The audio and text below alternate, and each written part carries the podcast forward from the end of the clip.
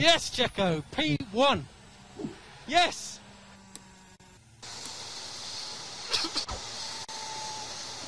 Lance P3, Checo, Lance P3. I'm speechless, guys. Just stay ahead of the guys if you can, Checo. Stay ahead of the guys so you can line up properly when you come in. Good job, guys.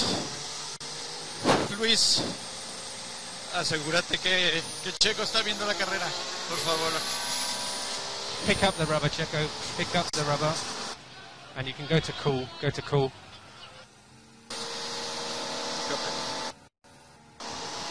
Luis, ¿me escuchaste? Amazing, Checo. Well done.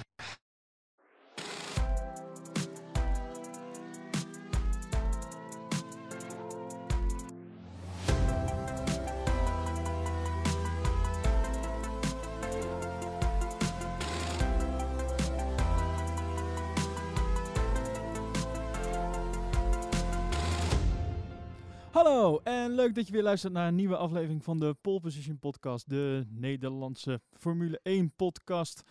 Aflevering 65 alweer. De Nederlandse Jazeker. Formule 1 podcast. Je moet het wel even benadrukken. Oké, de Nederlandse Formule 1 podcast. Yes. Mijn naam is Elwin Kuipers en aan de andere kant van de digitale snelweg zit Matthijs Koiker. En eh, hallo, we- hallo. Ja, nou ja, de, we openden de, de aflevering al mee. De overwinning van Sergio Perez op de GP, de grote prijs van Sakir. Oftewel Bahrein 2. Oftewel Mickey Mouse circuit. Die heb ik ook nog voorbij horen komen. Mickey Mouse circuit? Ja, Mickey Mouse ik ken circuit. gewoon het, het ovale Bahrein. Maar, Ja, ehm, nee, Bottas noemde het Mickey Mouse circuit. Maar dat ging ook meer over het, het stuiteren erover en zo. Ah, ja, ja, ja. Ah, fijn. Eh, we gaan het dus deze aflevering hebben over de grote prijs van Sakir. En eh, we hebben uiteraard ook nog wat nieuws. Oh, eh, we hebben wat speculaties, namelijk die, die, over, de, over de laatste ja, seats die nog beschikbaar zijn. Twee, of zijn het er wel twee? Daar gaan we het over hebben. We hebben Urban Legends. Gaan we het weer F1 even Urban over hebben. F1 Urban Legends. En ehm, ja, Lewis Hamilton heeft nog even van zich laten horen. Gaan we het ook nog even over hebben. Kortom, weer- persoonlijk of gewoon aan de rest van de wereld? ja, ik, ik heb nog even net een eh, appje van hem gekregen, zag ik. Ah, is lief als hij dat doet. Dus die ga ik even voorlezen. Kortom, eh, een bom, bom, bomvolle show. Laten we, laten we snel beginnen. Eh, uiteraard met de race. Matthijs, als je het in een paar woorden zou moeten omschrijven. Hoe was voor jou de GP van Sakir? Ehm, spannend, bizar, ook wel saai en teleurstellend en verrassend. Nou, Nou, dat heb je alle emoties wel eh, te ja, pakken. maar ik vond het ook, het was, het was een goede achtbaan. Ja, dat is eh, absoluut waar. Eh, en niet alleen de race zelf, maar ik denk ik het hele weekend ernaartoe ook gewoon. En nou, laten we daar maar gelijk mee beginnen. Dat kwam denk ik ook door het feit dat nou, Lewis Hamilton was dus afwezig doordat hij corona heeft en in, in quarantaine zit ergens in een hotel in Bahrein, neem ik aan. En ehm, ja, hij kreeg dus een, eh, er was een plaatsje vrij bij Mercedes en ja, iedereen dacht in eerste instantie van, ja, wie gaat het nou zijn? Gaat het nou Stoffel worden? Leek voor de hand liggend. Leek stoffel te worden. Ja, leek Stoffel te worden. Hulkenberg werd ook nog genoemd, vond ik een beetje, eh, dat, dat zag ik niet helemaal gebeuren. Eh, maar niets is minder waar. Eh, George Russell kreeg het, eh, kreeg het eh, stoeltje van Toto. En eh, die, eh, nou, die heeft toch echt wel even laten, laten zien wat hij kan in een Mercedes. Of, of heeft Mercedes laten zien dat als je een goede auto hebt, je eigenlijk niet zo heel veel hoeft te kunnen, Matthijs. Wat is jouw mening daarover? Want dat is denk ik ook wel een beetje het gesprek geweest van dit weekend. Ja, nou, ik, denk, ik denk eigenlijk van allebei een beetje. Dus eh, ik denk dat met zijn, eh, zijn manier van racen en zijn inhaalacties, zeker de, de, de befaamde inhaalactie op Bottas, ehm, wat al wel de, de actie van, nou ja, bijna het seizoen is wat mij betreft, eh, heeft Russell gewoon laten zien wat hij waard is. Omgekeerd, ja, het laat dus ook wel zien. Je hebt in ieder geval niet Lewis Hamilton nodig om snel te zijn in een Mercedes. Nee, ik, denk, Ehm. ik denk dat eh, Russell eh, zeker heeft laten zien dat hij eh, enorm veel talent heeft hoor. Eh, ja, we weten dat die Mercedes eh, eenmaal goed is. Eh, het is een hele goede auto. eh, maar nou ja, Russell sowieso natuurlijk niet voor niets eh, Formule 2 kampioen op een redelijk dominante manier geworden. En ehm, dus hij heeft echt wel talent, die jongen. En als je gewoon zo even koud instapt in zo'n auto die toch toch heel vreemd is. En jouw teamgenoot die al vier jaar bij het team zit en die al een jaar lang in die auto rijdt. En nou, laten we eerlijk zijn, op racedag rij je hem gewoon eruit. Je rijdt hem zoek, ja. Ik bedoel, zelfs met de kwalificatie, het scheelde natuurlijk 20 milliseconden. Ja. Ja, ja wat, is, wat is dat nou? Ik bedoel, het is, eh, als je bekijkt dat hij een auto rijdt waar hij inderdaad eh, niet, niet in heeft gereden, die een stuk gecompliceerder is als de auto die hij die, die die normaal heeft. Ja. Eh, dit is echt alsof je vanaf een fiets op een motorfiets stapt, volgens mij. Ehm, dan is het bizar wat, wat voor resultaten daar behaalt. En dan is het 20 milliseconden. Hè? Ja. Ook in een auto die voor hem niet is gemaakt. Hij, hij zat er niet zo fijn in. Het was minder comfortabel. Want hij is een stuk groter dan dat Lewis is, bijvoorbeeld. Ja, wat, wat doet Bottas dan precies? Ja, nou ja, dat, dat is een hele goede vraag. En ik denk dat eh, Bottas ook wel eh, slecht heeft geslapen na, na zondag. Want Ja, dit, zeker. dit eh, eh, eh, ondanks, of, eh, niet alleen door de, door de foute strategie, eh, of in ieder geval de fout die werd gemaakt tijdens de pitstop bij Mercedes. Waarin eh, de bandensets van eh, George en van Bottas eh, door elkaar werden gehaald.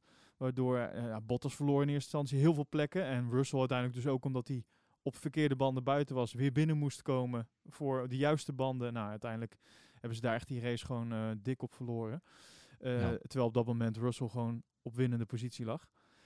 Ehm, maar ook eh, het feit dat ja, als, als er een, een, een rookie, of bijna rookie eigenlijk, in, je, in, in, de, in de auto stapt, stapt van jouw concurrent, of jouw conculega dan, om het zo te zeggen, en, en hij rijdt je er toch zo uit. En zeker bij die start, hè, laten we het dan even over die start hebben.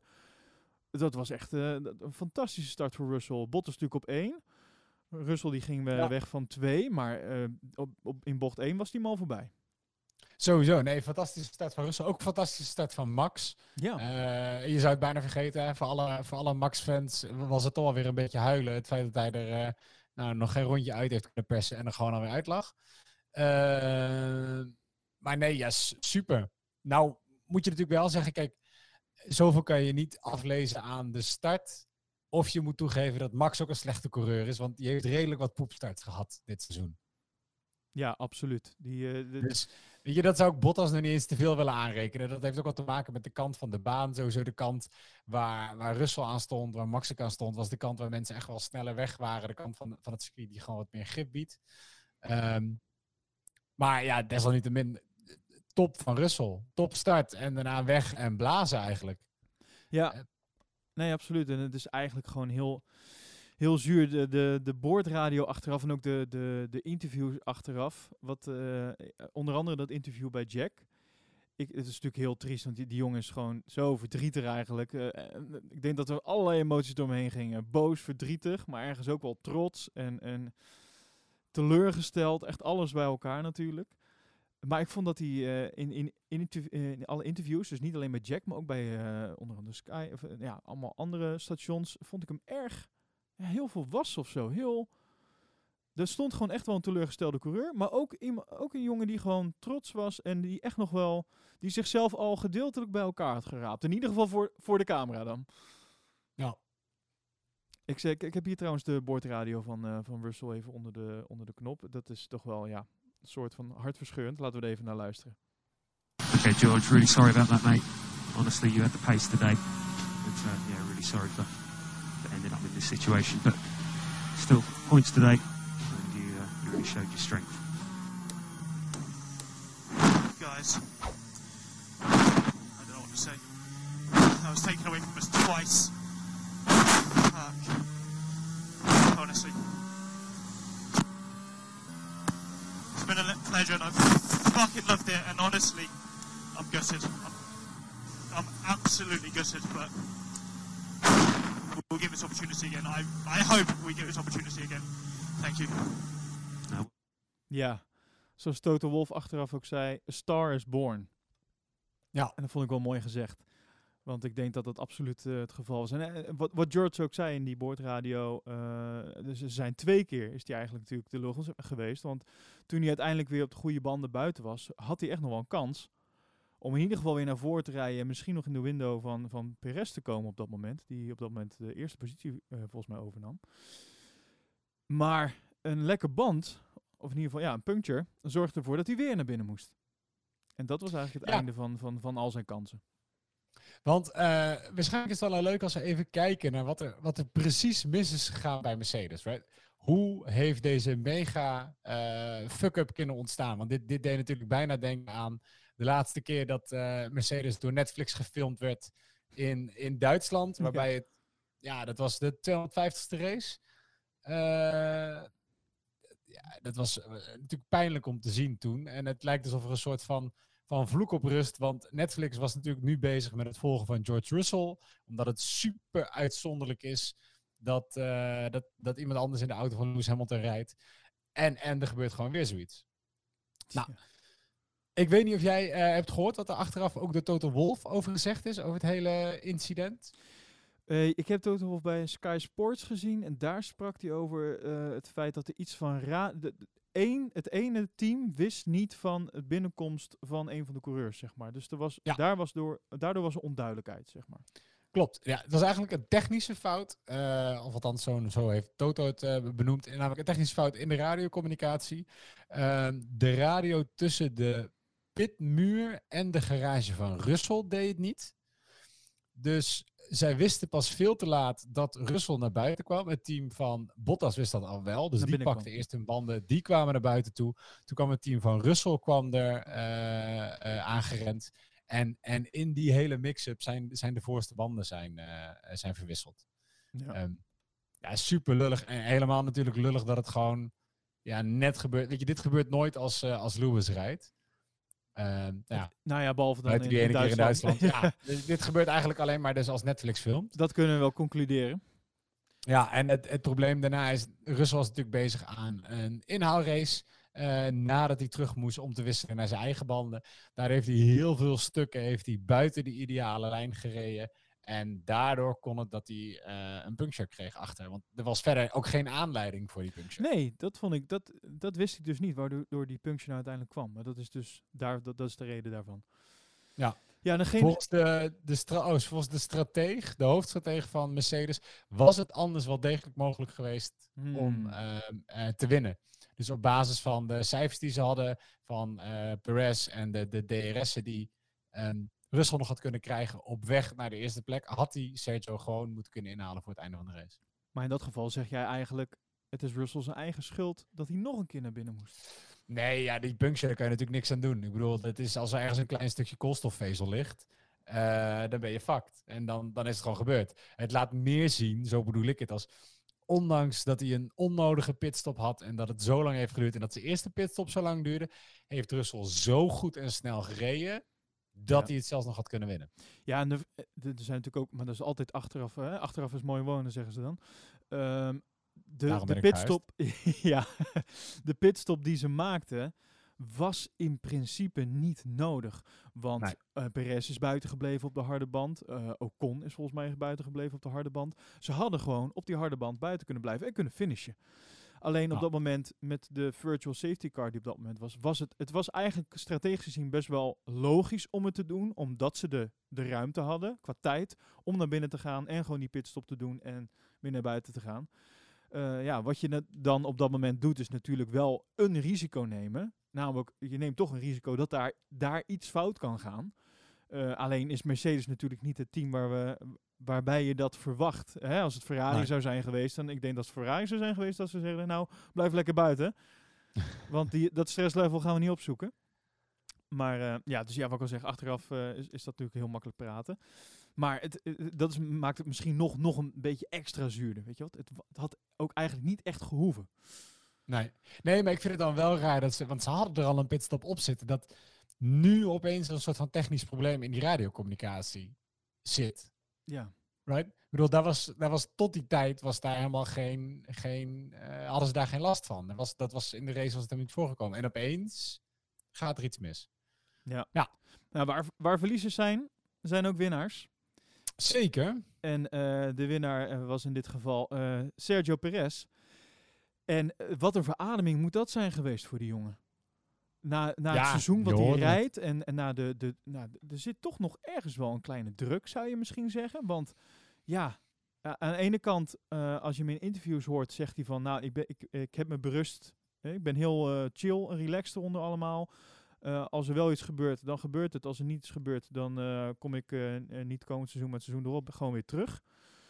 Ehm, hij lijkt heel rustig onder, maar het lijkt me toch, als je zo sterk rijdt, denk ik, dit seizoen. En dat toch niet altijd de vruchten van plukt, om het zo maar te zeggen. Hij is meerdere malen dat hij of hè, achteraan eh, komt eh, te rijden, of net niet het podium pakt. Technische uitval. Ja, dat ja, technische uitval, vorige race natuurlijk nog. Nou ja, alles bij elkaar. Is het, lijkt me dit een enorme ontlading. Eh, Zo, zo lekker dat je deze even in je zak hebt. Op het moment dat, dat, dat je eigenlijk qua contract dadelijk niks, niks, niks meer op zak hebt. Dat je dan, ja, dit lijkt me wel heel lekker voor hem. En dat, en dat, dat was ook wel eh, te horen aan, eh, aan de boordradio toen hij eh, over de finish kwam. Yes, Checo, P1. Yes.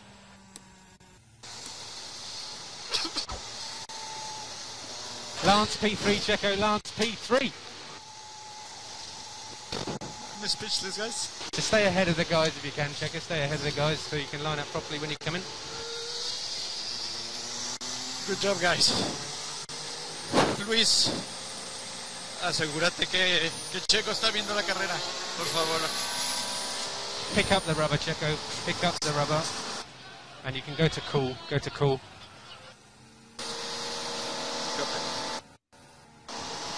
Luis, ¿me escuchaste?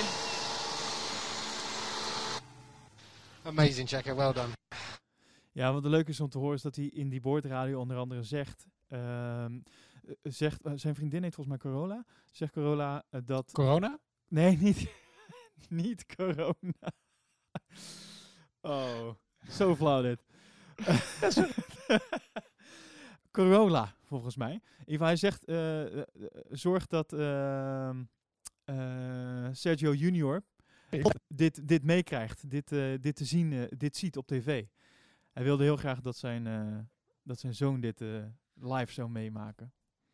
Ik oh, weet- oh, ik- nou, dat vind ik wel schattig. ja, toch? Dat was eh, mooi. En, en- en die tranen die je ook hoort. Het is eh, Ja. ja, schitterend voor die jongen. En verdiend ook. Echt, echt dik, dik, En, dik en verdiend. het laat toch ook wel zien dat je eerste overwinning echt wel wat meer is dan, eh dan Grazie Ragazzi of ja. dan, dan Lewis die gewoon even iedereen bedankt. Het was een moeilijke race, maar ik heb het toch kranig geweerd. Nou, en dat was eh, wel leuk eh, aan dit podium natuurlijk. Hè? Met, met Ja. Perez op 1, Ocon op 2 en eh, Stroll op 3. Wat, is eigenlijk een heel bijzonder podium. Bizar podium. Ja, Ja, ja, Ja. bizar, omdat nou ja, Perez verwacht je er wel. Ocon hadden we het over, die, die zou je daar totaal niet verwachten. Die jongen die heeft dit seizoen nog helemaal niks laten zien wat de moeite waard is om nou over naar huis te schrijven. Ehm, en ja, dat Stroll dan uiteindelijk zijn derde plek pakt. Ja, dit, seizoen is hij gewoon goed bezig. En eh, ja, waar iedereen denk ik het begin van het jaar ook over viel. Weet je, het is wel ook gewoon een goede auto waar hij in rijdt. En dat merk je dan ook wel weer op een circuit als dit. ja, nee, absoluut. Want ik bedoel, dat is wel iets wat ik in ieder geval vond. Hè, als je het hebt over. De, dit was een rollercoaster aan emoties. Ik vond deze race super tof, want Russell rijdt in eh, de Mercedes. Hij wint bijna. eh, want eh, Max die ligt er in het begin meteen uit vanwege een domme Ferrari-fout. Want de terughaalrace van Perez. Ehm, maar als je die paar kleine dingetjes niet meetelt, of die paar grote dingen niet meetelt, is de rest van de race best wel saai. Dit is echt een super saai circuit, waarin de verschillen in snelheden van auto's nog zoveel duidelijker worden. Ja, ja, vond je het saai? Dat, ik vind, dat, nou, daar wil ik wel even tegen ingaan. Want ik moet zeggen dat ik echt genoten heb. Ik heb in de kwalificatie genoten. En ik heb ook tijdens de race, op een gegeven moment leek het gewoon een sprintrace. En het, het, het zat best wel dicht Ja, maar dat ook, ook, wel weer, ook wel weer dankzij de fuck-up van Mercedes, die maakte het leuk. De safety car, die maakte het leuk, waardoor het weer een sprintrace werd. In feite, tot die tijd had Russell een goede start, lag hij eerste en reed hij bij de rest weg.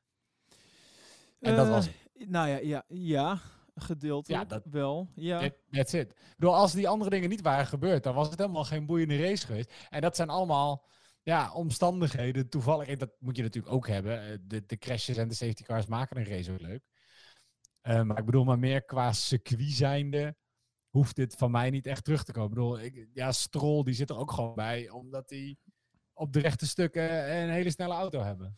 Heb ik het gevoel. Ja, nou, ik ben wel met je eens dat de, het circuit zelf was natuurlijk niet, totaal niet in- interessant. In Ja, nee, nee. Ik heb het gewoon ik heb het, eh, puur, puur over het circuit. Over de, dus Ja. de 3,5 kilometer die er ligt. Ja, nee, maar ik moet wel zeggen dat ik, dat ik moet ook in de kwalificatie ook, ik echt wel genoten. Ook, eh, het is natuurlijk een heel snel rondje. Ja, dat meen ik echt. Ook het, het is een heel snel rondje. Dit, dit, deze tijd is onder de minuut. Dat is volgens mij nog nooit voorgekomen. Volgens mij is het meest langzame wat we, of het meest snelle wat we rijden op een eh, rondje, op, ja, op een circuit is volgens mij 1.07 of zo, wat ik ergens had opgezocht. Nee. Dus we reden nu eh, in- in 54 seconden of zo. Het was echt... Nee, nee, Niki, Niki, Niki Lauda tijdens de Franse Grand Prix had een record van 58 seconden 79 du- eh, honderdste. Ja, oké. ik heb het nu over ja, kwalificatie. 53 seconden. Eh, ja, 53, 377 was Bottas. En het record staat dus, en dat vind ik dan wel, wel leuk. Het record nu staat op naam van George Russell. 55 seconden. Dat is tijdens de race dan. 55.404. Ja, dat is Dat, is, dat heeft hij gereden tijdens de race. Ja, klopt. Eh, en die kan hij wel in zijn zak steken. Hij heeft wel gewoon een snelste ronde. En daarmee ook de snelste ronde in Formule 1 ooit tijdens de race. Ja, ik, weet, ik denk dat hij toch liever de overwinning had gehad. Als, Ja, ik denk het ook. Ik denk het ook. Maar, dan- kom, George, je moet een beetje nemen wat je hebben kan. Nee, het is, eh, je moet ook kijken wat je wel hebt. ja. Nou ja, oh, en het is, kijk, ik bedoel, in zoverre was het natuurlijk wel een, een circuit of een race van recordjes. Dit was om te laten zien hoe uitzonderlijk het is dat, eh, dat Russell in deze auto reed. Voor het eerst in 265 opvolgende races dat Lewis Hamilton niet meedeed aan een Formule 1 race. Ja. Wat vonden we Maar- daarvan? Wat vonden we daarvan? Ja, dat, nou, dat is een, een, een streak, een record alle tijden. Ik vind dat het in ieder geval, ik vind dat Hamilton wel zijn eh presentiebadge verdient. Dat zeker. Eh, want dit is bizar. Maar dit was ook de eerste race in eh, 225 races waarin Mercedes geen wereldkampioen in hun team had zitten. Want Bottas is geen wereldkampioen. nee, dat is waar. Ze hebben al 225 races achter elkaar een wereldkampioen op het grid staan. Dat is zo bizar. Ja, eh, eh, doe, doe, doe, doe- neem het mee in je dag. Eh, maar dit, nou, het is wel, wel grappig dat je dat soort, dat soort kleine records hebt vanwege zo'n eigenlijk raar circuit. En vanwege ja, COVID en Lewis. Ja, nee, ja, ja, we hebben het al eerder eh, gezegd. Dat, dat maakt dit seizoen, ondanks de, de gekke omstandigheden, eh, maakt dit het wel heel leuk. Ehm, En wat het, wat het ook leuk maakte dus, is omdat Russell in de Mercedes eh, plaatsnam, was er dus een plaatsje vrij bij, ehm, eh, bij Williams. En daar komt Jack Aitken voor in de plaats. En omdat Grosjean nog met zijn handen in het verband zit, kwam Pietro Fittipaldi rijden. En dat was logisch, want zowel Schumacher als Mazepin die reden nog Formule 2. Was trouwens ook erg vermakelijk, moet ik, zeggen, moet ik zeggen. Schumacher uiteindelijk eh, kampioen geworden. Eh, Spannend tot het bittere einde. ja, dat, dat, ik wilde net gaan zeggen. Dat was minder overtuigend eh, dan eh, voorgaande kampioenen in de Formule 2, moet ik zeggen. ja. Dus ik ben heel benieuwd wat dat gaat brengen, dadelijk in de Formule 1. Maar dat was de reden waarom dat die jongens er niet, eh, niet bij waren. Ik had eigenlijk verwacht trouwens dat de komende race een van de jongens er wel in zou zitten. Eh, maar dat gaat niet Ja. gebeuren. Fittipaldi is Ja. gewoon weer gekozen om, eh, om erin te gaan zitten. Maar in ieder geval, ik heb wel erg genoten van Fittipaldi, moet ik zeggen. En dat is, die, het is een, volgens mij is hij geboren in Brazilië, opgegroeid in Miami. En dus echt een, qua praten echt een Amerikaan. Dus dat is, daar gooi je een Mhm. kwartje in en dan krijg je, nou ik weet niet hoe, dat is in kwartjes heb je niet in Amerika, maar je gooit er een, eh, een dollar in en je krijgt er eh, 50 dollar voor terug, zeg maar. En dat, dat was ook te horen op zijn, eh, op zijn boordradio toen hij finishte. Last lap round, you matched the pace of Kevin. Nice work. Okay, dude, that is the checker. That's the checker on your first Formula One race. Awesome job all weekend. After 87 laps, you're only four seconds behind Kevin.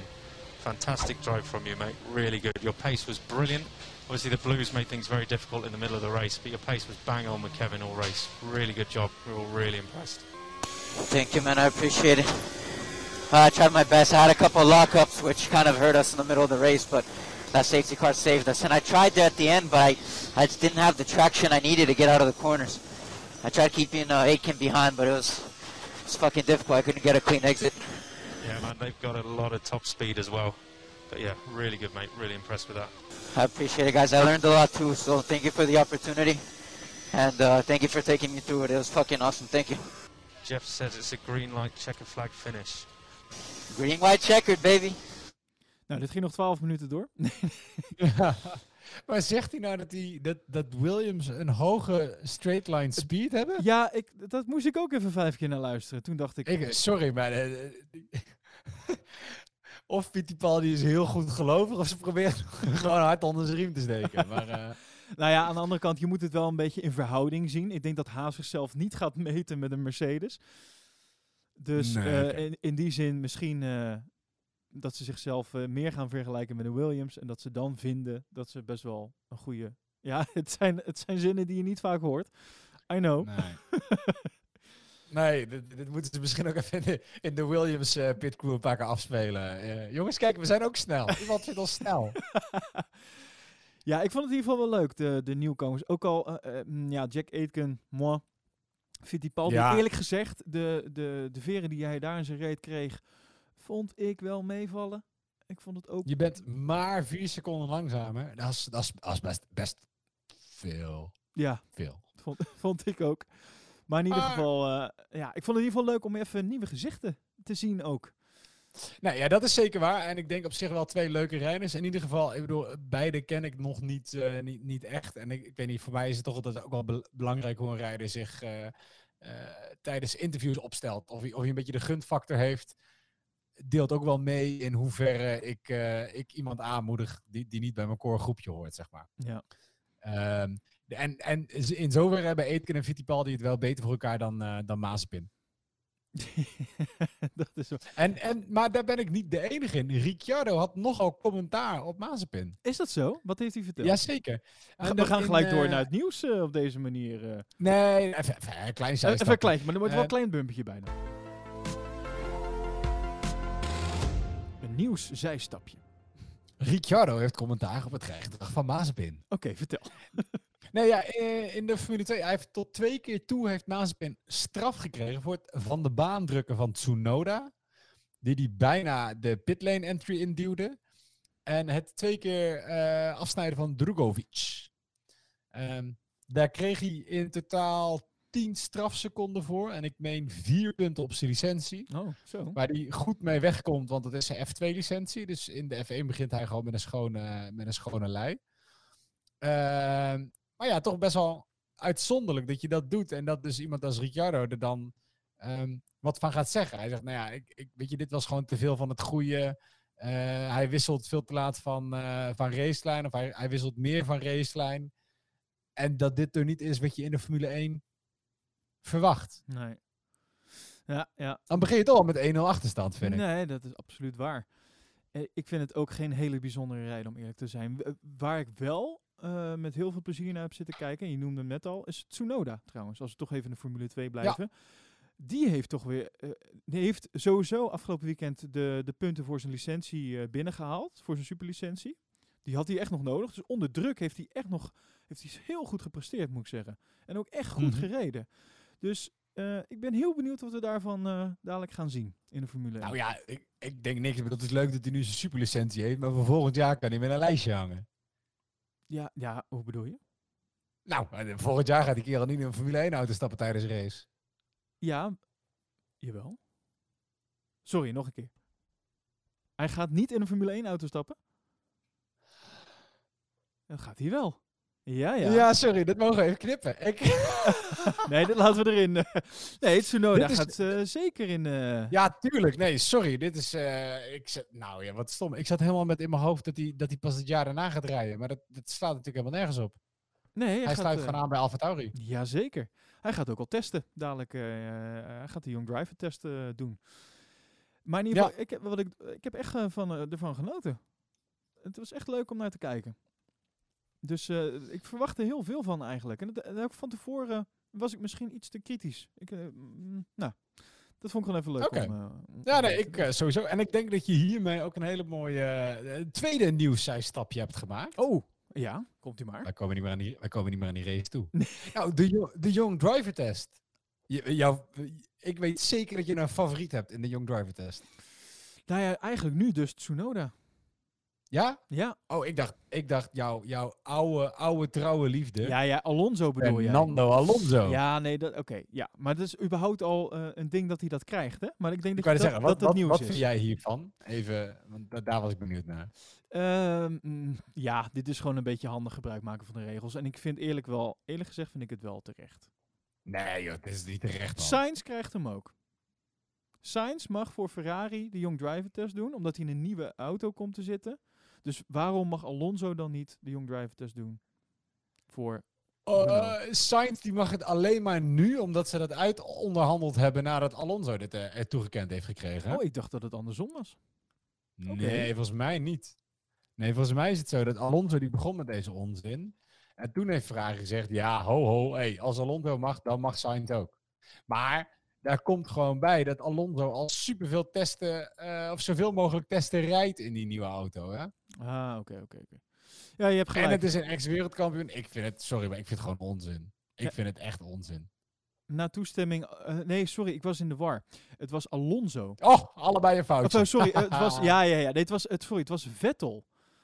Want Vettel wil dus nu bij Racing Point ook die ro- eh, Young Driver Test doen. Ja, maar dit, is, dit slaat toch helemaal nergens. Weet je, ik vind dit echt kansloos. Ik vind dat je in ieder geval als regel moet doen. Kijk, dat je zegt: oké, jij gaat in een hele andere auto rijden. Daar kan ik nog iets aan beginnen. Maar ik vind dat dan de regel moet zijn: als je een wereldkampioenschap op je naam hebt staan, begin je gewoon bij race dag 1.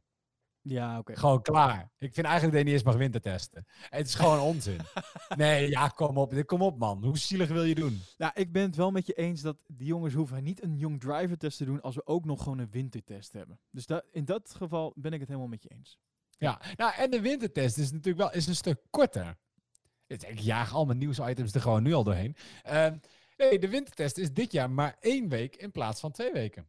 Ja, volgens mij is sterker nog, volgens mij is het En- echt nog maar drie dagen, toch? Dat, eh, dat ik Nou, nee, het, drie dagen per coureur. Ah, dat was het. Hij is drie dagen per coureur, eh, maar in totaal hebben ze maar één eh, week om te testen. Ja. En de test is, godzijdank, wel gewoon in Barcelona. Ehm, de FIA wilde de test heel graag in de zandbak hebben. Alle teams wilden de test in Barcelona Iedereen hebben. was tegen, hè? ja. Dus ze hebben lang moeten nadenken, maar besloten om het toch in Barcelona te doen. ja, en de reden is gewoon eh, het, het eh, leveren van onderdelen. Dat, Ja, dat, het leveren van onderdelen, personeel. dat maakt het gewoon veel makkelijker als je in Europa zit in plaats van in, in, in den zandbak. Ja, zeker. Plus, en dat, is natuurlijk, dat blijft ook wel een dingetje. Als jij testdata hebt van Barcelona van al die jaren van andere auto's, dan kan je ook je nieuwe auto eh, vergelijken met je oude auto. Terwijl als je dat op een heel ander circuit doet, dan ja, Ja. begin je echt van scratch. Nee, dat is helemaal waar. Ja, nou, eh, w- wil je nog teruggaan naar de race? Of zeg je, we gaan gewoon gelijk in één keer door met al het nieuws? Want volgens mij was er qua race ook niet zo heel veel meer bijzonders. Eh eh, Ocon was nog bijzonder. Nou, Ja, nou dat vond ik eigenlijk, en die ook gewoon een beetje, de- denk ik, door geluk en door goede pitstops. Want het is niet dat hij briljante inhaalacties heeft laten zien. Het is meer dat Ricciardo het een beetje verneukt heeft dat hij daar niet zat. Eh, aan de andere Eh, kant, eh. dus voor Ocon is dit natuurlijk wel een hele lekkere eventjes. Dit had hij ook Ja. wel nodig. Zeker eh, hè, Alonso dadelijk in zijn nek hijgend volgend seizoen. De alle aandacht komt natuurlijk dadelijk op Alonso. Op zich is dat, kan, dat, kan dat best lekker zijn. Eh, omdat je dan Ja. een beetje zo die un- de underdog bent. Maar eh, di- dit had Ocon toch wel even nodig. Want laten we eerlijk zijn, dit seizoen was voor hem niet heel erg lekker verder. Nee, nee, ja, net wat ik zeg, het is eh, meer dat die er stond. Ik Oh ja, die, dat klopt, die hadden we dit jaar. En ik dacht eigenlijk aan het begin van dit seizoen dat hij een veel grotere bedreiging zou gaan vormen. En dat hij, ja, ik mag ook gewoon niet zo, dat hij gewoon vervelender zou zijn. Maar hij heeft eigenlijk het hele seizoen tot nu toe een beetje, eh, ja, voor spek en bonen meegedaan. Kleurloos gereden, ja. Ja, ja. ja, Ja. nou ja, iemand anders, eh we laten gelijk het bruggetje nog maar even maken. Alexander Albon, zesde. Ja. Dat was ook weer niet heel veel soeps. Eh, Carlos Sainz voor hem geëindigd. Nou ja, sowieso de jongens eh, van een Racing Point. En ook dus ook voor hem. Ja. Ja, Zouden ze zo nou, hebben daar, daar? dat- nou wil ik daar wel bij zeggen, kijk, van tevoren had Max ook al aangegeven, jongens, jullie hoeven geen wonderen te ver- verwachten op dit circuit. Eh, want daar is onze auto gewoon echt niet naar. Nou hebben we Max niet gehad om het mee te vergelijken. Eh, maar ik denk dat je dat van Albon niet moet verwachten. Ik bedoel, de, de, de straight line speed van de Red Bulls was gewoon echt ondermatig als je het vergelijkt met alle auto's met Mercedes motoren. Ja, Oké, aan de andere kant, ik bedoel, Renault staat ook wel op de tweede plek. Maar ik bedoel, straight line is gewoon, er liggen verder allemaal Mercedes motoren in. true. Ja, dat is waar. Dus ja, dan zal hij het best lastig gehad hebben. En dan vind ik voor Albon een zesde plek. Ja, ja. Dat is een beetje wat we dit, dit seizoen van hem gewend zijn, toch? Eh, ja, dat is waar. Maar ja, ja maar dus daar, Aan- vandaar nog een keer de vraag, weet je wel. eh, zouden ze het al besloten hebben? En zo ja, wat zou... Of, of komen we daar zo even op terug tijdens het nieuwsberichtje? Laten we dat even doen, want we hebben nog die, Ja. speculaties.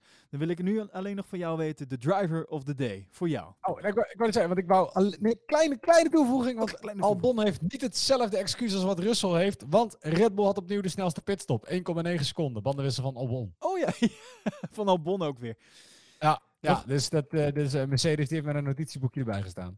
Ehm, mijn driver of the day is, eh is Perez. Met inhaalactie of the day, Russell. oh, je, je combineert ze. Ja, maar kom op, die inhaalactie van hem op Bottas was gewoon Ja, gewoon- briljant. Dat was... Gewoon een goede, hele goede start, gelijk de binnenkant pakken voorbij. En daardoor eigenlijk eh, potentieel de winst eh, in je zak steken. Nee, nee, nee. Ik heb het, idee, ik heb het over de keer dat hij na de pitstop, dat hij buitenlangs Albon Oh, ja, ja, ja, ja, ja, ja. ja. Oh, oh, oh. Ja, nee, buitenlangs, of Albon, Bottas. Buitenlangs Bottas inhalen, hem er gewoon naast zetten. En gewoon echt even laten zien dat je grotere kloten hebt. Ja. En dat vond ik, dat was zo mooi. Dat is zo'n vette inhaalactie. Alleen verder heeft hij niet heel veel laten zien, omdat hij, ja, een hele tijd gewoon vooraan heeft gereden. Eh, en dat deed hij hartstikke netjes. Ja, ik... eh, g- mm, Russell, Perez... eh, mm, Perez. Ja, kom op. nee, ik ga, ik ga op. Perez, sowieso. Ja, Eh, door, de, door die actie met Leclerc. eh, waardoor hij helemaal achteraan weer moest. eh, eh, hij kwam weer helemaal van achter naar voor. Als je van achter naar voor komt. ingehaald. Ja, hele veld ingehaald. Dan eerste worden. Eh, Ja. ja, nee, Perez. Overduidelijk. Ja, nou ja, helemaal mee eens. Oké. ehm, ik zeg Door Leclerc. nieuws? Ik zeg Leclerc. Ik zeg nieuws. Want eh, Leclerc heeft nog wat. Nou, komt ie. Nieuws. Want Leclerc is nog eh, gestraft voor, voor zijn eh, actie op. wat, wat, wat vond je van? Vond je het weer? Vond je het een goede? Was Nou, het was geen goede Nee, actie, joh. maar. Nee, dit was echt, dit was echt knullig. En ik vind dat, dat Max, die, die verwoordde het volgens mij het mooiste. Die zegt, joh, weet je, ik, je, je zag Max die koos voor het veilige pad. Hè, die remde duidelijk eerder. Die, denkt- die denkt, ik ga hier niet aan beginnen. Ik speel het op safe. Ik wacht hiermee. En ik zeg, nou, dat, daardoor liet ik ruimte over. En ja, Leclerc had hem daarnaast kunnen zetten. En hij had mij had hij kunnen pakken. Dat, is prima, weet je wel. Dat is de trade-off die je maakt. Maar het is het begin van de race. Alleen Leclerc pakt niet alleen Max, maar probeert gewoon een tweede plek ook nog goed te maken door zo laat in te remmen. Hij was veel te laat. Hij had het nooit kunnen halen. Het was gewoon eh, was te optimistisch. zo overmoedig. Ja, Ja, ja en dat was echt dat was natuurlijk vorige week ook al. ja. ja het is, ik vind het, er zit een soort van wanhoop in of zo. Ja, denk, denk je dat, eh, dat er een soort van frustratie eh, toch wel bij hem zit? Ja, ook dat. Ja, ja tuurlijk, want je rijdt in een auto die, waarmee je niet kan winnen. De enige manier hoe hij kan winnen, of in ieder geval hoog kan eindigen, is door echt eh, flinke risico's te nemen. Door heel goed te rijden, maar ook wel door flinke risico's te nemen. En dat is wat we, ik denk, het hele seizoen, door het hele seizoen heen hebben gezien van Ferrari. En dat dat ook wel een groot verschil is met Vettel, neemt die risico's sowieso niet. Dat is de andere kant van het spectrum. Ja, nou ja, maar ik bedoel, en hij, rijdt, hij rijdt consistent ook slechter dan, dan dat Leclerc doet. Maar Leclerc heeft een paar keer echt een risico genomen. En een paar keer heeft dat, was dat een hele mooie payoff. Ja. En een aantal keer eh, bijt hem dat. En het is gewoon jammer dat hij in die domheid bijna twee mensen meenam. Nou had Perez onwaarschijnlijk veel geluk. Ja, ja absoluut. Eh, en Max bizar veel pech. Ehm, eh, hij, hij, hij neemt de volwassen beslissing door eerder uit dat gevecht weg te stappen. En dan krijg je gewoon zoiets. Ja, zonde. Ja, eh, Leclerc heeft drie gidsstraffen gekregen voor de volgende race. Dus dat is de straf die hij heeft gekregen voor, ja, voor die actie. Vind je Ja, nou ja. te veel? Te weinig? Nee, nee. Of precies ja, goed? gewoon terecht. Gewoon terecht. Oké. Ja, het is, dat een beetje, het is een beetje eh, wrang. Want je- weet je, het is natuurlijk naar dat je nu ge- gestraft wordt voor iets wat je... Ja, pas de volgende race komt dit tot uiting. En Max heeft er niks aan. Nee, klopt. Je, Sowieso. dat is die, die drie gridstraffen, dat is niet... Kijk, als Lewis dat krijgt, dan heeft Max er wat aan. Want dan schuift hij op naar voren toe. Maar Leclerc kwalificeert toch achter Max. Dus hij gaat drie plekken naar achter. Ja, dat is leuk voor een paar mensen op het middenveld. Maar dat maakt voor Max niks goed. Nee, klopt. Leclerc die trouwens overigens een hele goede kwalificatie neerzette. Ja, nee, wel, ja, dat zeker. Die eh, op een gegeven moment die, die, die was gewoon uitgestapt van ja, beter dan dit gaat niet worden. Dus kan nog wel een rondje gaan rijden, eh Mattia. Maar eh, laat maar hangen. Ja. Ehm, nou, dan gaan we door naar het volgende nieuws. Dat is Lewis Hamilton. Je noemde hem net al eventjes. Ehm, ja, die heeft natuurlijk... ja, wat, wat zou die heel de week nou hebben gedaan op zijn eh, hotelkamer? Zou die echt goed ziek zijn geweest? Want hij heeft ook echt niks Nou. van zich laten horen. Wat hij er zelf namelijk over zegt is van... eh, ik weet dat ik de afgelopen week niets van mij heb laten horen. Maar het is absoluut een van de zwaarste weken die ik in tijden heb gehad. Dus hij had een videootje had hij opgenomen. Ik heb me alleen gefocust op het herstellen en weer in vorm geraken. Zodat ik weer eh, mee kon doen aan de laatste race in Abu Dhabi. Ik voel, eh, voelde me geweldig toen ik vandaag eh, wakker werd en heb mijn eerste training weer achter de rug. Dus ik eh, wilde jullie een positief bericht sturen en laten weten dat ik in orde ben. En het wil uiteraard iedereen bedanken voor de geweldige berichten en video's die ze hebben gestuurd. Dat waardeer ik heel erg, zegt hij. En waar jullie ook zijn. Ik hoop dat jullie positief blijven. Althans, ik, dat vond ik niet de beste woordkeuze. En blijven strijden tegen wat op jullie pad is gekomen. Ik hoop dat ik snel weer in de auto kan stappen. Dus daarmee is het nog onduidelijk of Lewis Hamilton daadwerkelijk weer in de auto gaat zitten in Abu Dhabi. Want volgens Nee, mij, het, het is al duidelijk dat hij, dat hij dat niet gaat doen. wou het zeggen, want Toch? het is ook, nou, dit, volgens mij is het nog onduidelijk. Want ehm, hij, even kijken, dit is een bericht namelijk van vandaag, een videootje van vandaag. Ik, ik dacht dat al, ik had al een nieuwsbericht voorbij zien komen dat het al besloten was dat Russell volgend weekend gewoon weer rijdt. Maar, ik bedoel, nu we het hier toch over hebben. eh, ik heb die video van Lewis niet gezien. Zag hij er een beetje ziek uit? Nee. Niet. Maar ik weet niet of Dan- corona... Nee, nee, Oké. nee, want dan is het nu tijd om een aluminium hoedje op te zetten, Elwin. Oh. Mag ik? Ja, ja. Zet hem maar op. Eh, wil je daar nog een eh, bumpertje bij? Ja, ja, doe maar een bumpertje. We gaan het aluminium hoedje circuitje gaan we... Hier, komt ie. Aluminium hoedjes. Zet hem thuis ook even op. Doe met ons mee. Ik heb hem op. Ik heb hem op hoor. Oké, oké, oké. Zo. Lewis heeft geen COVID-19. Ah, ga op. Lewis zit gewoon samen met Roscoe ergens op een eiland te genieten van de zon. Ah, Want dit is allemaal onderdeel van het grote meesterplan van, van, van Toto. Eh, het is namelijk zo, kijk, Toto die heeft ehm, eh, in een opwelling begin dit jaar eh, Bottas een extra contract gegeven. En daar komt hij eigenlijk van terug, zeker nu hij heeft gezien wat, wat Russell allemaal kan. Dus samen met Lewis heeft hij afgesproken dat gezien Lewis toch al kampioen is, dat hij de komende twee weken, eh, vorig weekend meegerekend, niet eh, zou gaan rijden. Zodat Russell kan rijden. En dat als Russell Bottas twee keer zou kunnen verslaan in dezelfde auto, heeft hij, Toto, een legitieme reden om het contract van Bottas te eh, verscheuren. En ruil daarvoor krijgt Lewis de 5 miljoen extra die hij heeft gevraagd voor zijn salaris. En die 5 miljoen extra, dat is minder dan het salarisverschil tussen Bottas en Russell. Dus iedereen wint. Lewis is eerder met vakantie samen met Roscoe. Hij heeft een dikke salaris. Russell pakt een plek bij Mercedes. En Toto heeft een beter team en is minder salaris kwijt in totaal.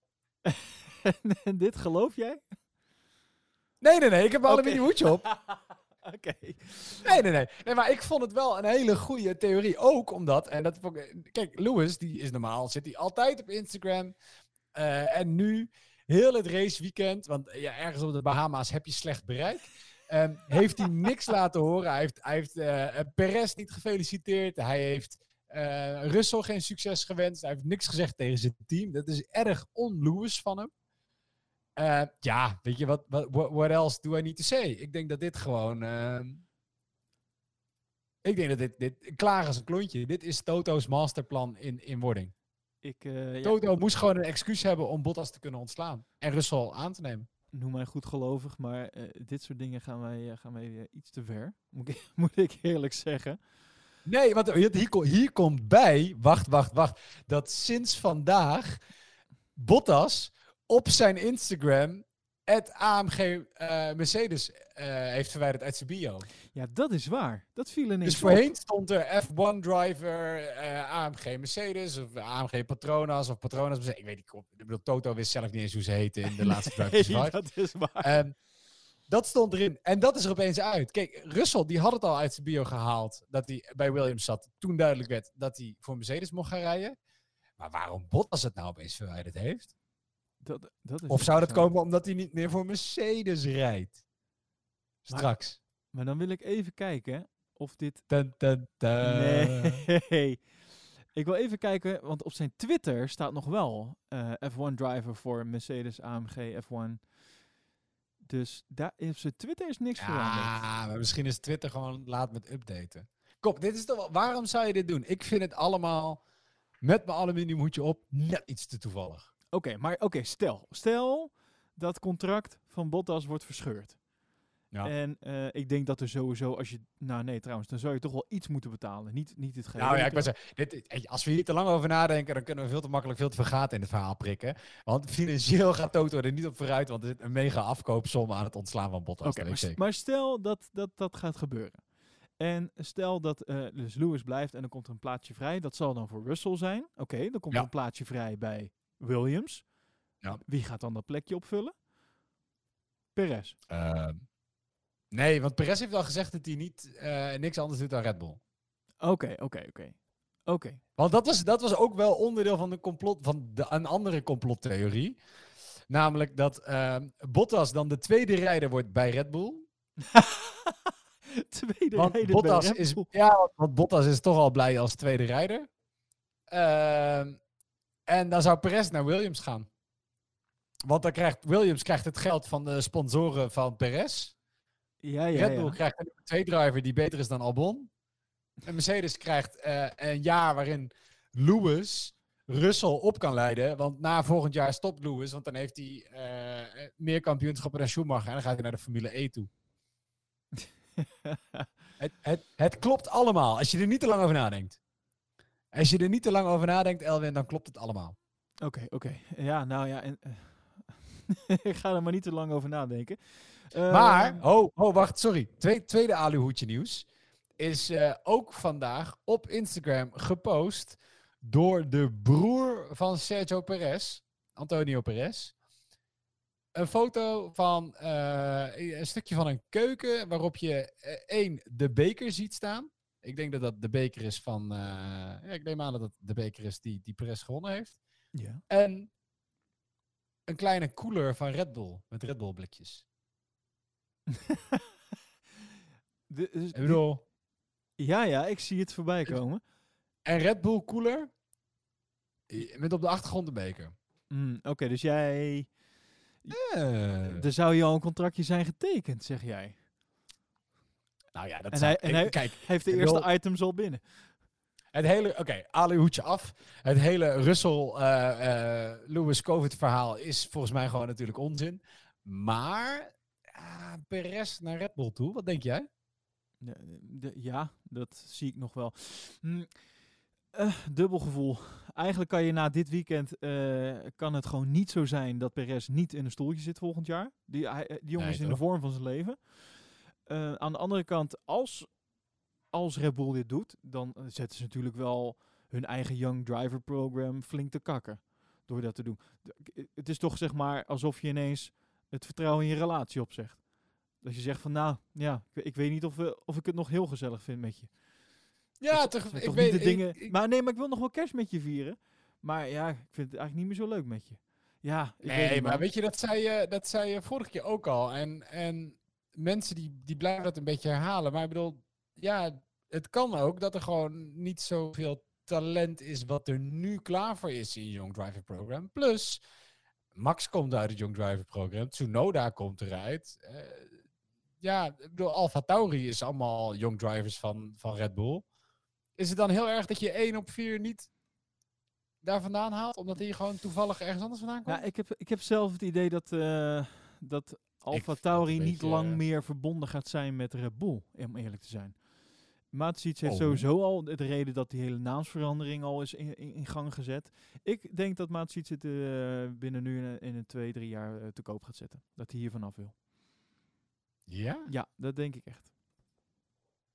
Maar dat is, eh, dat is weer... Ja. Ja, dat, believe me on my words. Dit gaat gebeuren. Ja, we hebben het nu op band staan. Dus, Ja. het- het- dit is niet voor niets dat dit op deze manier zo gaat. Dus, ehm, maar, ehm, als we het toch over Alfa Tauri hebben, eh, de, degene die daar nu nog zit, eh Danik Fiat, die heeft toch weer een mooie uitspraak gedaan, als we het toch over onzin dingen hebben.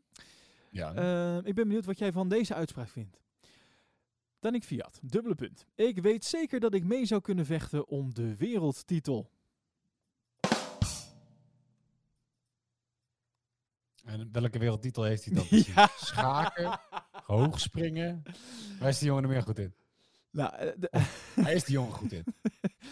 Hij zegt het is een zware sport, de concurrentie is hier eh, zwaar en ook de politiek speelt een rol. Dat is normaal. Ik heb nog steeds het gevoel dat ik de Formule 1 veel te bieden heb. Ik weet zeker dat ik, als de kans zich voordoet, zou kunnen vechten om het wereldkampioenschap. Het gaat alleen maar om de timing. Soms was de timing in mijn carrière geweldig en soms was het gewoon slecht. Ik weet niet of alleen Nee, de timing heel slecht was bij hem. Ik bedoel, ik geef onmiddellijk toe dat... eh, weet je, de, ziet als Stroll die won. Dat was geluk. Dat was timing. Dat waren crashes op het juiste moment. Mazzel met safety cars. En dan win je. En dat kan een wedstrijd gebeuren. Maar dat gebeurt niet genoeg wedstrijden achter elkaar om mee te kunnen doen voor het Ik wereldkampioenschap. denk dat het die jongen een beetje naar zijn hoofd is gestegen. Sinds eh, hij heeft al op het podium Ja. gestaan. Eh, hij is nu zevende geëindigd achter Albon. Ik denk dat hij denkt van nou, die jongen is een beetje de weg kwijt. Aan de andere kant, ja, je, je, kan, je kan ook moeilijk in de, in de bij een interview gaan zeggen, nou, ik, eh, ik denk niet dat ik ooit wereldkampioen zou kunnen worden. Dat is ook niet echt de, de, de tekst die, eh, die je de wereld in wilt helpen. Nee, nee, tuurlijk. Dat is. Kijk, weet je, en ik blijf erbij. En ik denk ook wel dat dit het laat zien. eh, de, de auto maakt alsnog heel veel uit.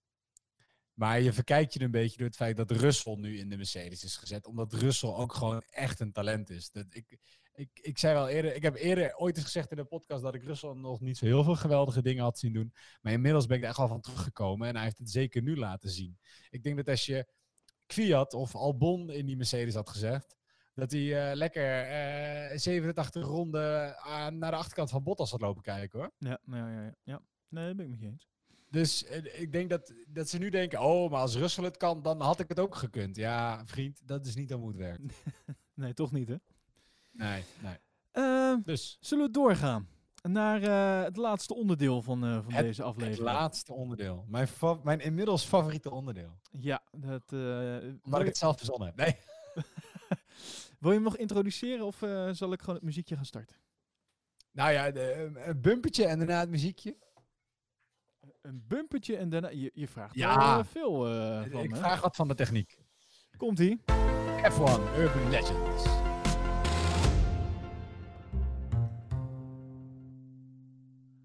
Spannend. Spygate.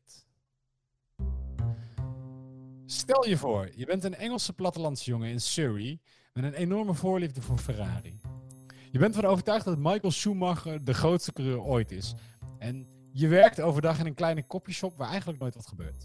Tot op een dag een vrouw binnenkomt en ze vraagt je een kopie te maken. Je kent haar niet, het is verder een normaal verzoek. Buiten dat ze een kopie wil hebben van 780 pagina's. Je neemt de documenten mee naar achter en het valt je op dat alle documenten zijn voorzien van een Ferrari-logo. Je doet je werk, je maakt braaf de kopieën, je geeft ze mee terug aan de vrouw en zodra de vrouw de deur uitstapt, besluit je haar naam direct te googlen. Trudy Googlen. Niks bijzonders, eh, het lijkt niet te werken bij Ferrari, het is geen beroemdheid. Maar er is een Trudy Coughlin die is getrouwd met Mike Coughlin. En Mike Coughlin is de chief designer voor McLaren in Surrey. Dan gaan alle alarmbellen af.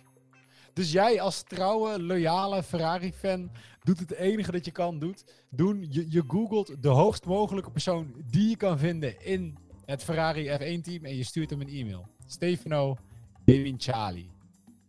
En dit is hoe Spygate aan het licht kwam. Oh.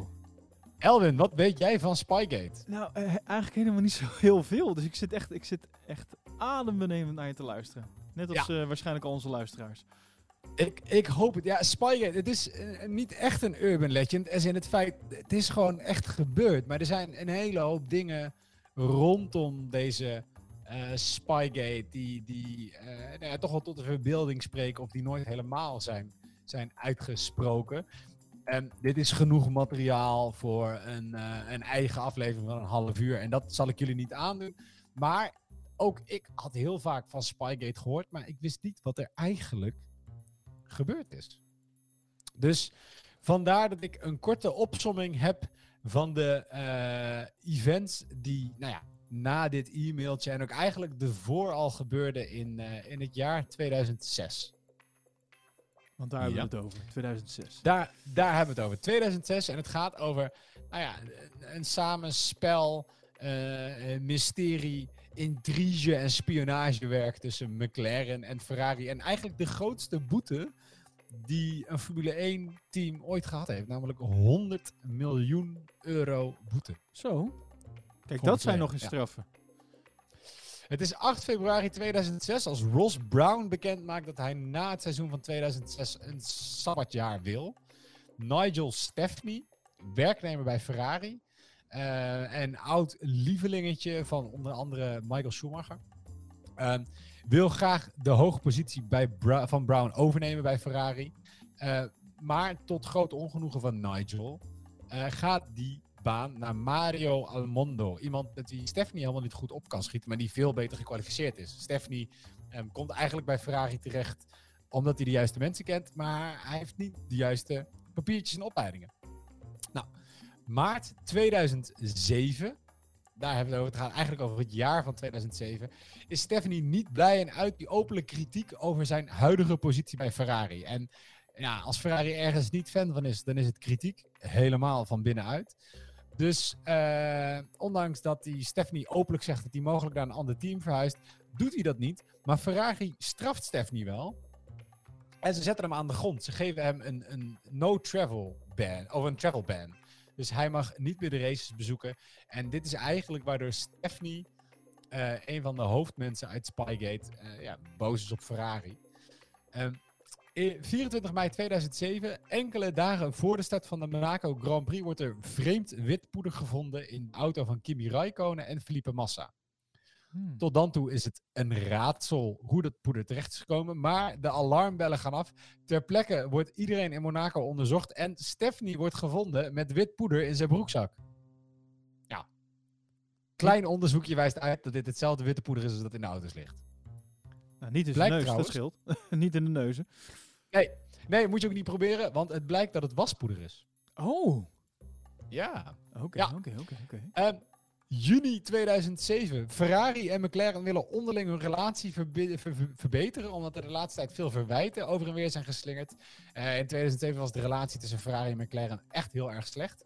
En daarom besluit ze een overeenstemming te tekenen. waarin onder andere wordt opgenomen dat men elkaar zou informeren. als werknemers dingen doen die niet door de beugel kennen.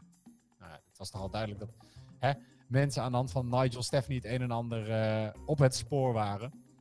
En ja, 21 juni 2007 geeft Ferrari Nigel Stefani aan bij de politie van Modena. Het is onduidelijk waarom. Tot drie dagen later de Italiaanse sportkrant La Gazzetta dello Sport eh, zegt dat Stefani beschuldigd wordt van sabotage. Twee dagen daarna, 26 juni, eh, geeft Stefani een eigen reactie. Hij zegt dat hij het slachtoffer is geworden van een vuil politiek spelletje. En hij heeft er vertrouwen in dat hij vrijgesproken zou worden. Maar een week later, begin juli, wordt Stephanie ontslagen door Ferrari. En op dezelfde dag wordt ook een medewerker van McLaren op non-actief gezet. Hoofddesigner Mike Coughlin. Oh ja, Michael. Ja, ja, ja, ja. Ja. Ja, ja, ja. Begin juli zijn er ook nog geruchten dat Honda ook betrokken zou zijn bij het spi- spionageschandaal. Maar dit is echt wel het urban legend gedeelte, want daar wordt verder weinig over gesproken of is eh, eigenlijk nooit iets mee, mee gebeurd.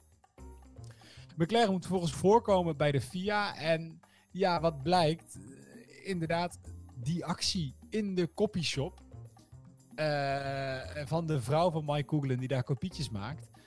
zijn de, eh, de reden dat Mike Coughlin aan het licht is gekomen. En zijn vrouw eh verraadt hem uiteindelijk. Ferrari zet de rechtszaak tegen Mike Coughlin niet door. Want ze zijn tot een soort geheim akkoord gekomen. Eh, waarin eh, Mike en zijn vrouw eh, verklaren welk, welke deel of welke rol zij in het hele schandaal hebben, hebben gehad. Eh, Mike Coughlin wordt vervolgens, volgens een Italiaanse krant, ervan beschuldigd dat hij en diverse collega's bij McLaren in het bezit zijn geweest van de vertrouwelijke informatie van Ferrari. McLaren zegt op dat punt dat Mike Coughlin de enige is die deze informatie heeft eh, gezien. Dan denk je, nou, waarom is dit belangrijk? Nou, dit is nogal belangrijk omdat op dat moment Fernando Alonso ook in het team van Ja. McLaren reed. Ja, ja, ja. En dit is een zijstapje in deze Urban Legend waar we het eh, mogelijk later ooit nog van gaan hebben, maar die ik nu eventjes parkeer. Dus op 19 juni laat, ehm, eh, sorry, 17 juni laat McLaren weten dat alleen Mike Coughlin vertrouwelijke informatie heeft gezien. Dat verder niemand die 780 pagina's heeft bekeken. Ehm, en eh, Nigel Stefani is twee dagen later bereikt een boekje open te doen over al het spionagewerkzaamheden bij Ferrari. Ehm, en hij wil zijn eigen onschuld bewijzen. Het komt naar buiten dat Steve, Stephanie en Coughlin elkaar meerdere malen gemaild hebben vlak voor het Formule 1 seizoen.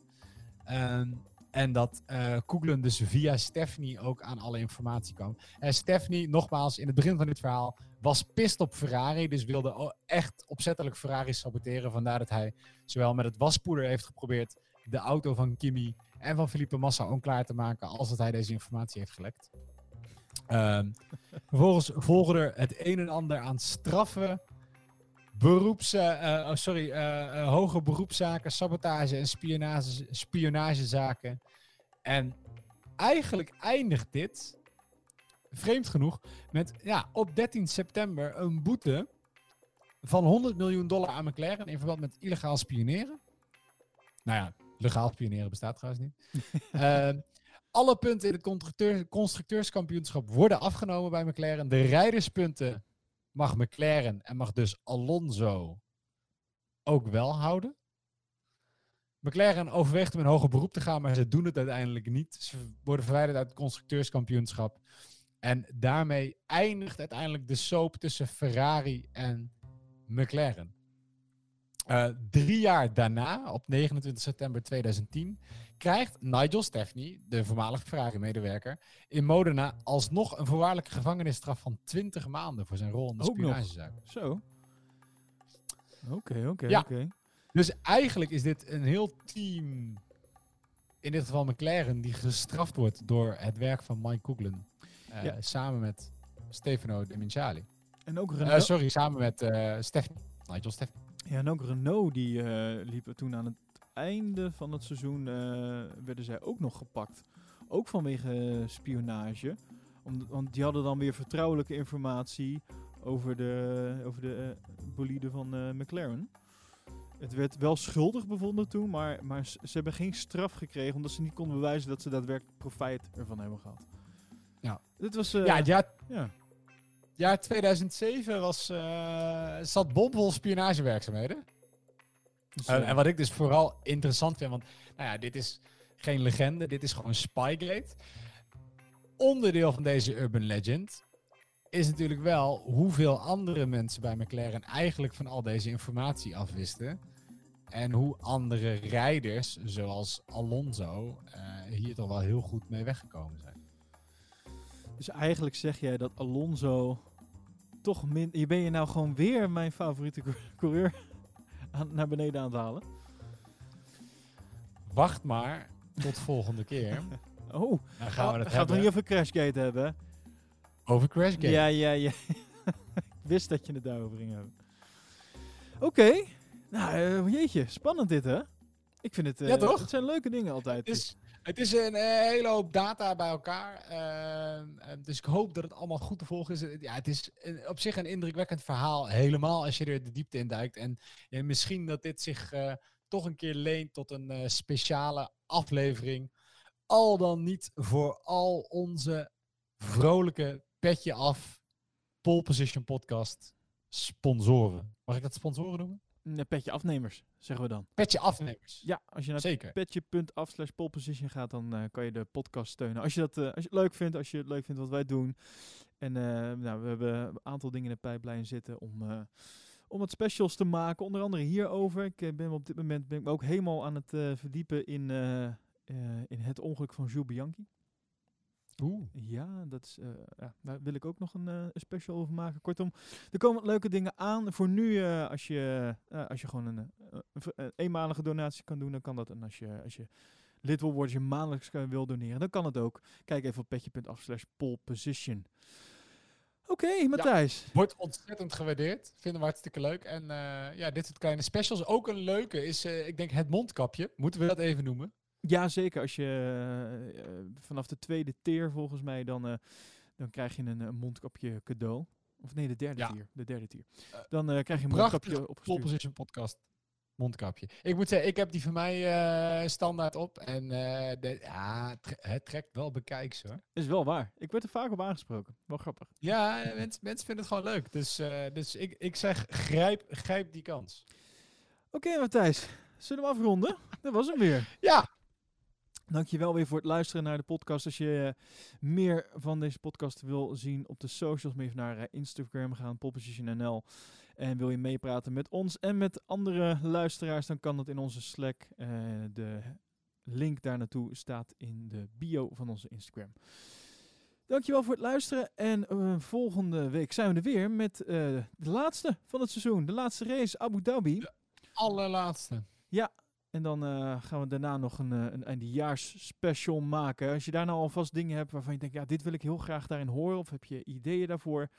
eh, laat het zeker even weten. Info at Of laat het we- weten in de Slack. En dan nemen wij dat mee. Matthijs, dankjewel. En ik zou zeggen, tot de volgende keer.